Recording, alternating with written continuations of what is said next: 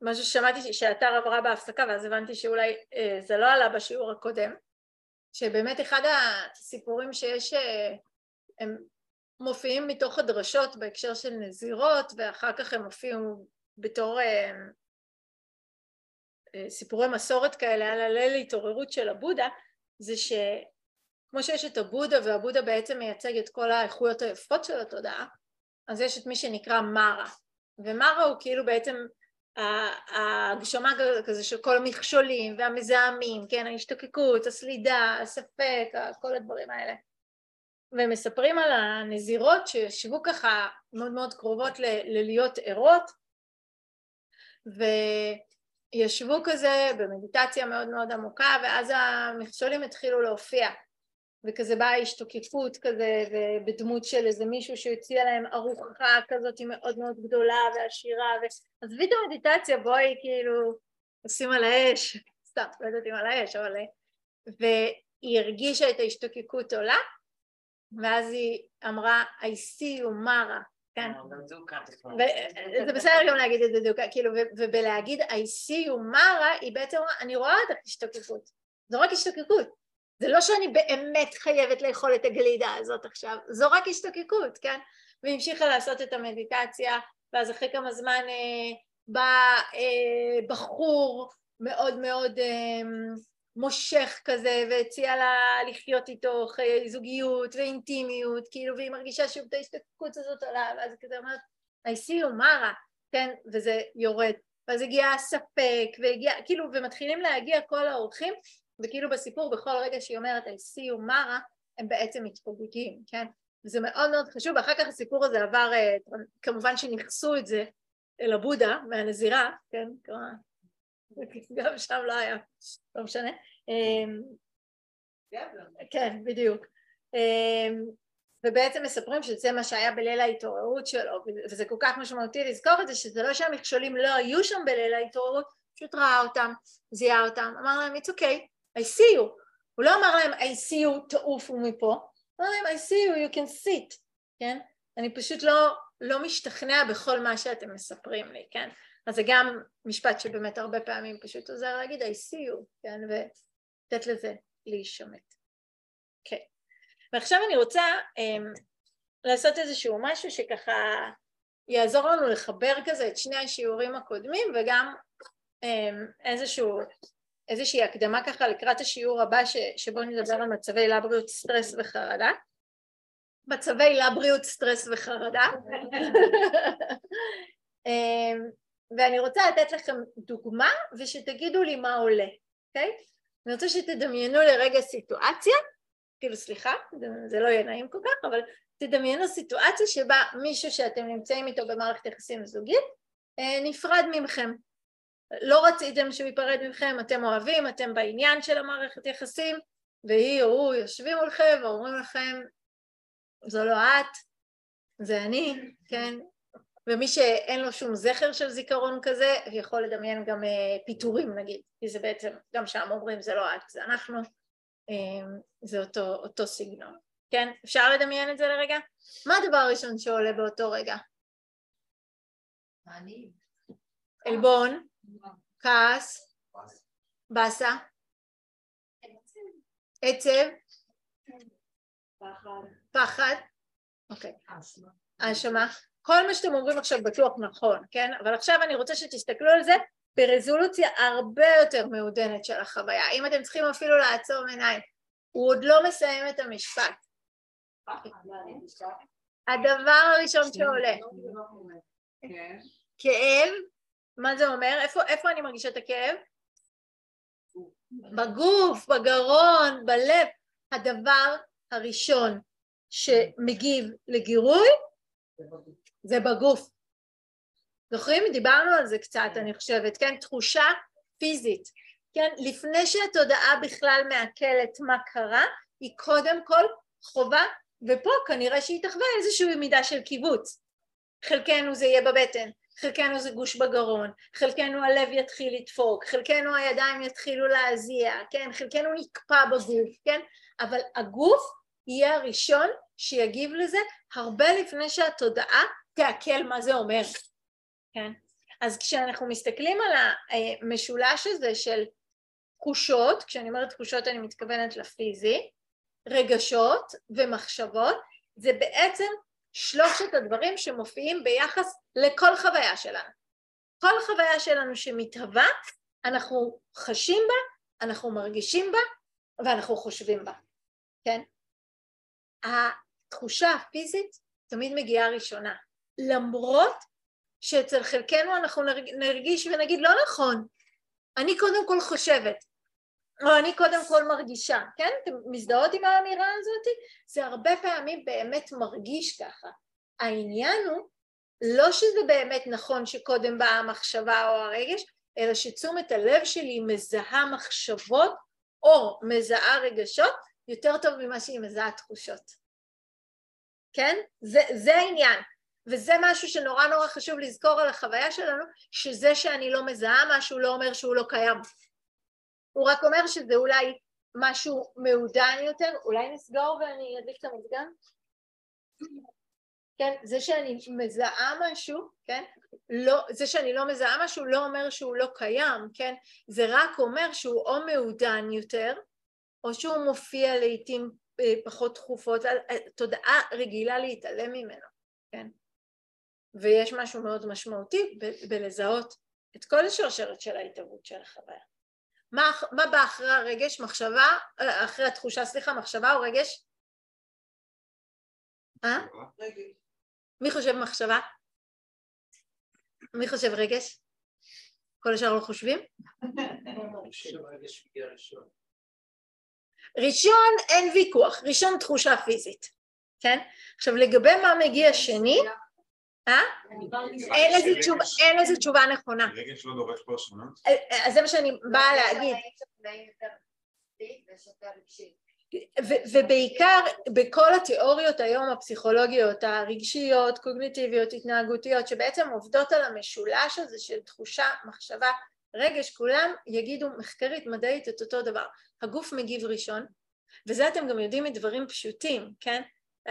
התקרבתם למשהו חם, אתם קודם תעשו את זה לפני שאתם תגיעו למסקנה אם זה חם כי שכחתי תנור או האם זה חם כי אתם פשוט כן, תעשו את התנועה הזאת, כן? הגוף יברח לפני שהוא ידע להגיד לעצמי זה מסוכן, כן?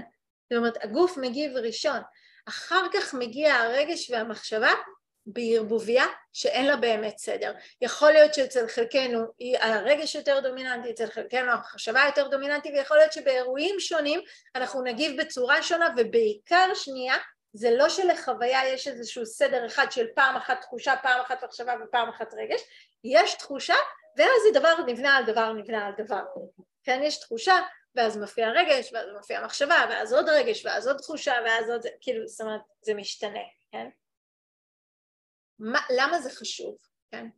כי לפעמים, אם אני אגלה על מופעים של דברים מעודנים יותר, הם יוכלו לרמז לי ולספר לי את הסיפור של הדבר הבא, בדיוק כמו האורח. אם אני מזהה שאני בהתנגדות, ואחרי שנייה אני שומעת את עצמי אומרת, לא בא לי ללכת להופעה הזאת בעצם, אז אני יכולה להגיד, רגע, זה לא לגמרי מה שאני מרגישה, זה פשוט מה שההתנגדות חושבת, כן? יש לזה ערך.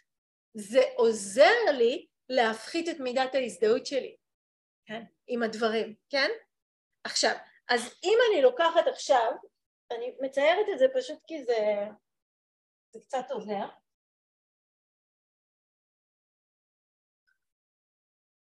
אז נגיד הגירוי לסיטואציה שדיברתי עליה היא פרידה. זה הלולה הראשונה בשרשרת. הלולה הבאה בשרשרת תהיה הגוף, תחושה. עכשיו, אמרנו, אצל אחת בחזה, אצל אחרת בבטן, אצל אחד בראש, לא משנה, אבל תהיה שם תחושה של הגוף. מה הלולה הבאה, לדעתכם? לא, אבל כאילו כמו שאמרתם קודם, אמרתם כל מיני דברים, אמרתם כעס, אמרתם עלבון. נגיד על כל חוויה לא נעימה, לא רצויה. מה את אמרת קודם? עצב. הכל נכון, כל מה שאמרתם יגיע, כן? אני לוקחת עכשיו מהלך של שלושים שניות ומפרקת אותו, אוקיי? אני חושבת שהדבר הראשון שיופיע אחרי שהגוף יגיד זה תחושה הזאת של הלב שיגיד היי, כן נכון? כאילו משהו, משהו ברגש יהיה עצוב, כן? במובן, במובן הכי פשוט של משהו שאני לא רוצה קורה. זה לא כזה משנה אם יהיה פה פרידה או פיטורים או ביטול של נסיעה לחו"ל, כן?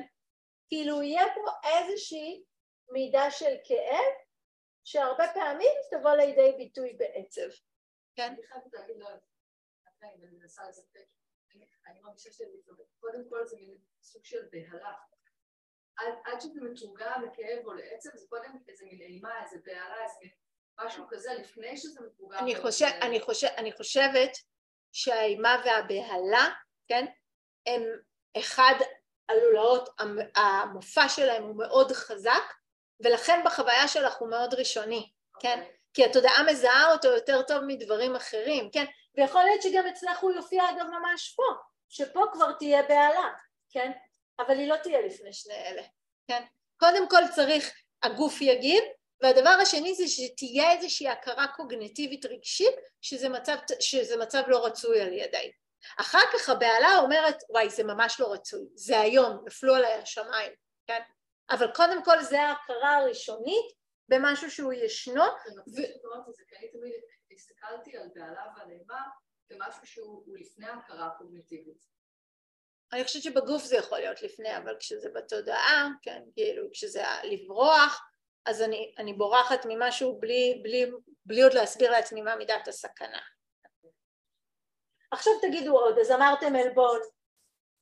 איך העלבון מדבר? מה הוא יגיד נגיד? הוא ידבר, יש לו מחשבות, נכון? שאלה עצמית. איך? תגידו לי, תשמיעו לי את זה במילים. אני לא מספיק טוב.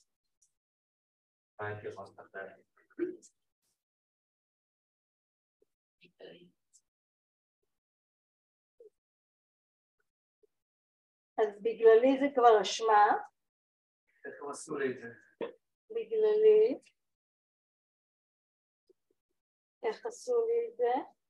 שזה האשמה. מה עוד? זה לא פייר. יאללה, נו, לא רק אסף יודע מה קורה במקומות האלה. אולי, כן, אני שואלת אתכם, אני שואלת אתכם מה עולה, כן? איזה מטומטם. אף אחד לא... איזה מטומטם? הכל נהרס. הכל נהרס. ייאוש זה נמאס לי.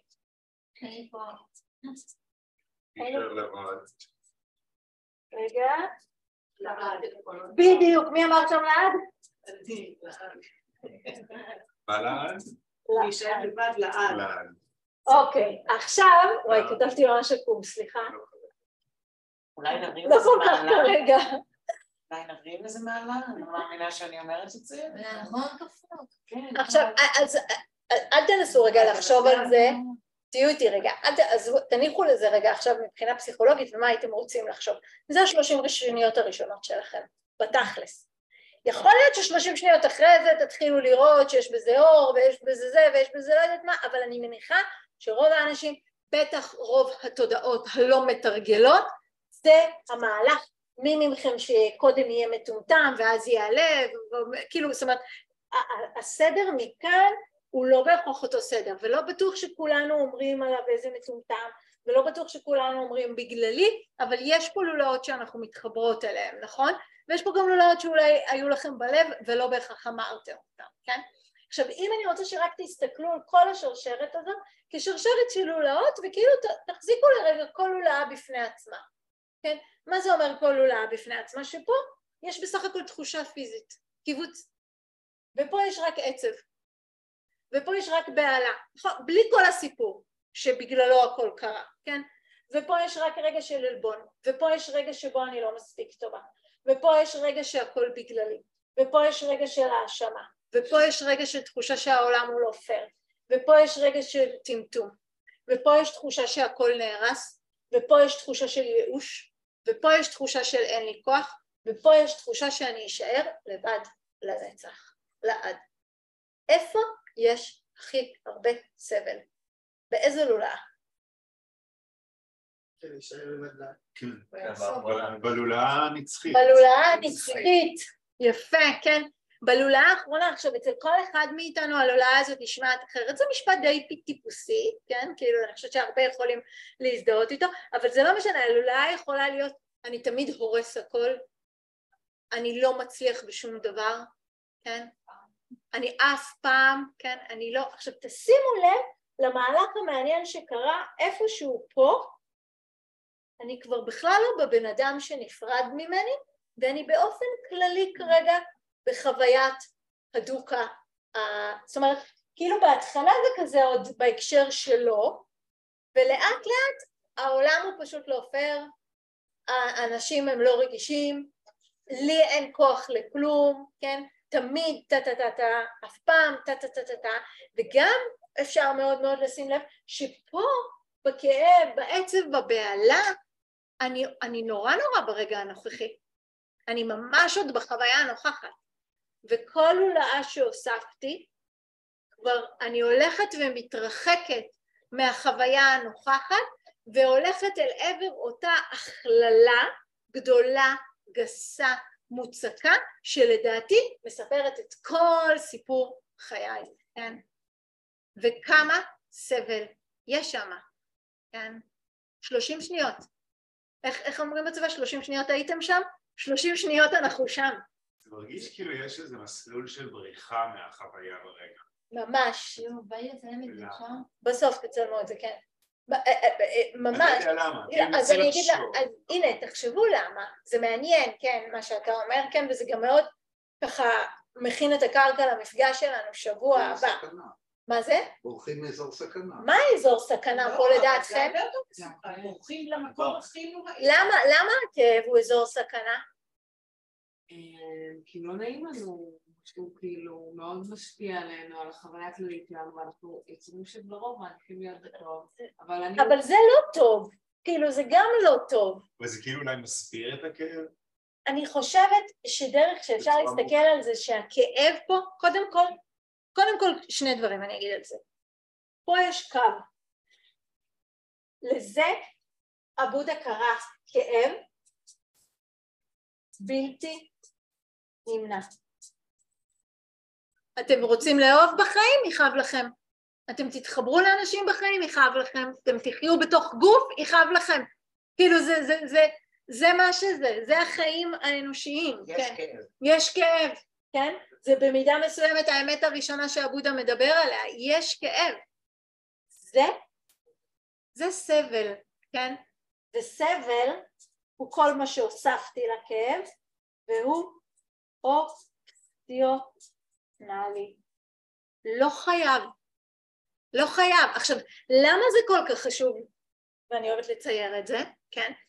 כדי שנראה שיש פה הכרה מלאה לחלק הזה. זה לא שאם נהיה בודהיסטים טובים, מישהו ייפרד מאיתנו ולא יכאב לנו. אני לא מאחלת לכם את זה בחיים. אני מאחלת לכם שהלב שלכם יתרחב ויישבר וירגיש ויתאחה ויהיה חי.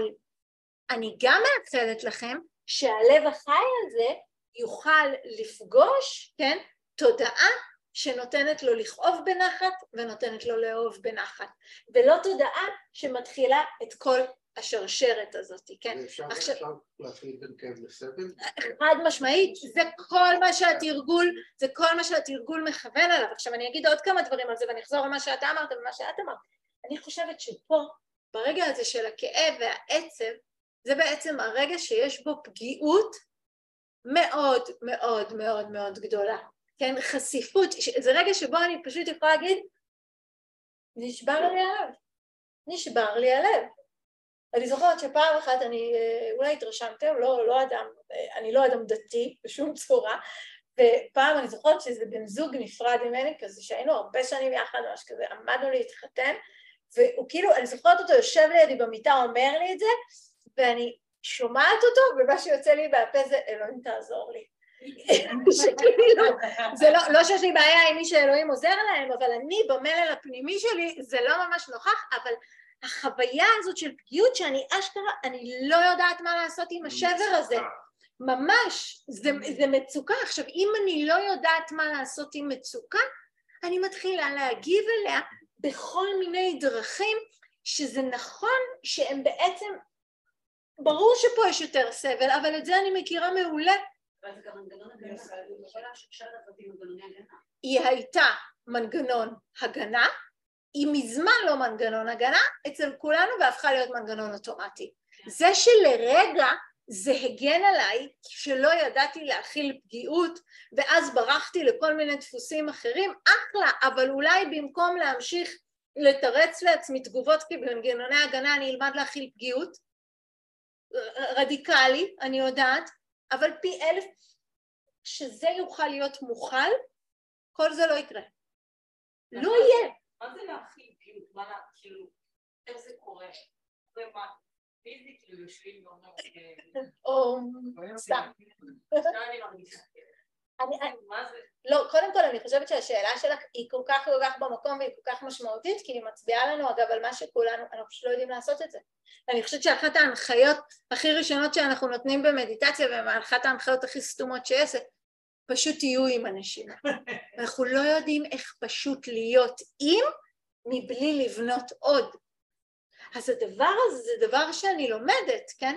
אני ממש לומדת. עכשיו תחשבו על, על, על כל התרגול, על מה עשיתם עד עכשיו. הייתם עם הנשימה והתודעה שלכם נדדה ואמרתי לכם תחזרו לנשימה. ואז הייתם ממקום אחר ואמרתי לכם תחזרו. תלמדו להיות עם מבלי לבנות עוד. זה אותו דבר, רק שעם הנשימה זה פי מיליון יותר קל מעם רגע של עצב ועם רגע של פגיעות. ואז אני יכולה נגיד להיות עצובה בלי שזה בהכרח יגיד שאני לא מספיק טובה. ואני יכולה להיות עצובה בלי בהכרח מיד להצליח לה- להכריח את עצמי, להבטיח לעצמי שיהיה יותר טוב. ואני יכולה להיות עצובה בלי להיות מיואשת. ואני יכולה להיות עצובה בלי שיגמר לי הכוח. עכשיו, הדברים האלה הם כל כך כל כך כל כך דבוקים אצלנו, ש, שכאילו אין לנו, אין לנו שום, אין לנו שום תחושה שבכלל אפשר... זה זה מרגיש שזה התרגום. כל הדברים האלה זה תרגום של מה זה כאב, מה זה כאב. נכון. להאשים את עצמך מה זה כאב, לחשוב על איך, על מתי זה ייגמר, מה זה... כאילו, אף פעם לא הסתכלתי על זה בתור דברים אחרים, זה נראה לי התרגום של מה זה לכאוב. זה פרשנות, אבל זה לא חייבת להיות הפרשנות, נכון? זה לא חייבת להיות, כי לכולכם, אפילו שזה לא נראה לכם כרגע, לכולכם יש עוד פרשנות של כאב. עכשיו אותה שרשרת בדיוק לא קורית לכם, היא קורית לחברה הכי טובה שלכם. והיא באה אליכם, והיא יושבת מולכם, ואומרת לי, את לא מאמינה, הוא עזב אותי. הגוף שלכם מתכווץ, הלב שלכם עצוב. מה הדבר הבא שעולה אליה? חיבוק. חיבוק. איזה רגש זה? אמפתיה, חמלה. אה, מה מה קרה לשרשרת הזאת? לא, אה, אתם לא תגידו לה, את לנצח תישארי לבד? בחיים לא, בחיים לא, כן? יש לנו שרשרת כזאת והיא היא שמורה רק לעצמנו. למה? כי עם הפגיעות שלנו ועם הכאב שלנו יש לנו כזו הזדהות שאומרת שאם כואב לי אז אני כישלון, שאם נפרדו ממני אז אני אפס, כן? שאם מישהו פיטר אותי אז אני לא מספיק טובה. ולא רואה את זה, כן, שיש את מה שקורה לי ויש את מה שאני מרגישה, והם לא בהכרח חייבים להיות אותו דבר, כן? ועל האחר, בגלל שאין את ההזדהות הזאת, אז כל כך קל לי לראות שזה כל כך עצוב שזה כואב לה. וזה כזה מבאס שהעולם הזה הוא כזה מורכב, ומערכות יחסים זה כזה דבר לא פשוט, כן? ואני יכולה כל כך בקלות לחבק אותה ולהמשיך לאהוב אותה. והדבר המעודד בזה זה שזה רק מראה שיש לנו אפשרות לשרשרת כזאת, ויש לנו אפשרות לשרשרת כזאת. וזה שעד היום זאת הייתה השרשרת שלי, זה לא אומר שאני צריכה להמשיך איתה. וכמו שלמדתי לפגוש את הפגיעות של החברים שלי, או המשפחה שלי, או האנשים האהובים עליי, אני יכולה גם ללמוד לפגוש את הפגיעות שלי, בלי להשליך עליה, להשליך דרכה את כל הדברים האלה על עצמי. כן? זה... אז איזה סוג מחשבות באים בשרשרת, נגיד, לבודה ער? כאילו, מה השאיפה, להגיד לעצמך, אני, אה, אני מרגישה עכשיו עצובה, זה בסדר, זה לא תמיד יהיה ככה, כאילו, איך זה נראה? אני, אני חושבת שזה, אני חושבת שזה יהיה קודם כל באמת בהרבה אמ, איכויות שהן הרבה יותר פתיחות ומכילות, כן? אני חושבת שברגע שהעצב יקבל הכרה, השרשרת גם לא תהיה כזו ארוכה. זה לא שאני אצטרך לחפש עשרים איכויות חדשות, אבל ברגע שתהיה הכרה, כן, אז העיניים יהיו יותר טובות, אז העצב יוכל לנוח יותר.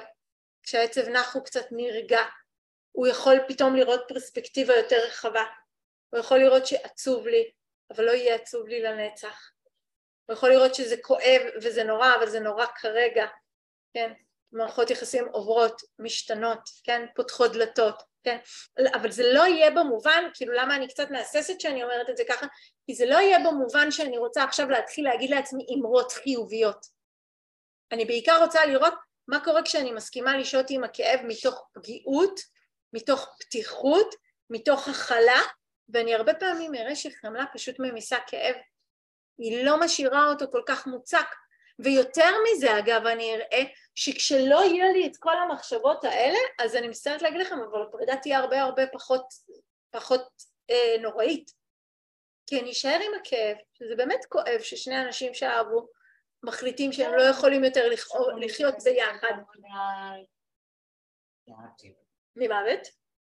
אז תכף, תכף אני אתן את הדוגמה הזאת על מוות, כן, כי גם בה אפשר לעשות משהו, אבל כאילו לראות את התנועה הזאת, איך נראית פרידה, כאילו, אגב הפרידה היא כאילו של אותו בחור שישב לידי במיטה ואמר לי כאילו, אני, זו הייתה הפרידה שהכי ריסקה אותי בחיי, הכי ריסקה אותי בחיי, ב, כאילו סמרטוט רצפה, ולימים אני יכולה להגיד שלמרות שהייתי מרוסקת עד עמקי נשמתי, לא התגעגעתי אליו אפילו יום אחד.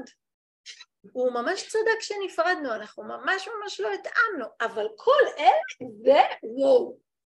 כאילו, אני כל כך לא מספיק טובה, אני כזאת כישלון, אני כזאת אה, אה, הורסת הכל, אני לנצח אשאר לבד, שזה כאילו, למי היה זמן בכלל להתגעגע אליו בתוך כל זה? עכשיו, זה מטורף. זה אומר שאין שום קשר בין עוצמת הסבל לגירוי שהיה, אלא יש קשר ישיר בין עוצמת הסבל לדפוסים המנטליים שלי. כן? זה, זה, זה, עוד פעם, זה משמעותי. זה לא שהפרידה עצמה היא לא עצובה, אבל אם הדפוסים המנטליים שלי הם דפוסים מנטליים שאין בהם את הביקורת העצמית הנוראית ואין בהם שנאה עצמית ואין בהם אשמה עצמית, אז אני יכולה להיות עצובה על הפרידה ולתת לעצמי זמן לאבל ולמחשבה וגם לטיפול וטיפוח במה שאני מרגישה שצריך לטפל ולטפח, אבל זה לא נהיה המוצקות הזאת של הסבל, כן? זה ממש משהו לזכור אותו. הסבל לא קשור לעוצמת הגירוי, הוא קשור למה שנוכח בתודעה. ואם אלה הדפוסים שמזינים את התודעה שלנו, אז, אז באמת זה מה ש, שמזין את הסבל וזה מה שממצק אותו. אבל אם הדפוסים שבתודעה שלי יהיו דפוסים אחרים, של עיניים טובות, של פתיחות, של אהדה, של קבלה, אז כל הדבר הזה יתארח בתוך חוויה אחרת לגמרי. כן.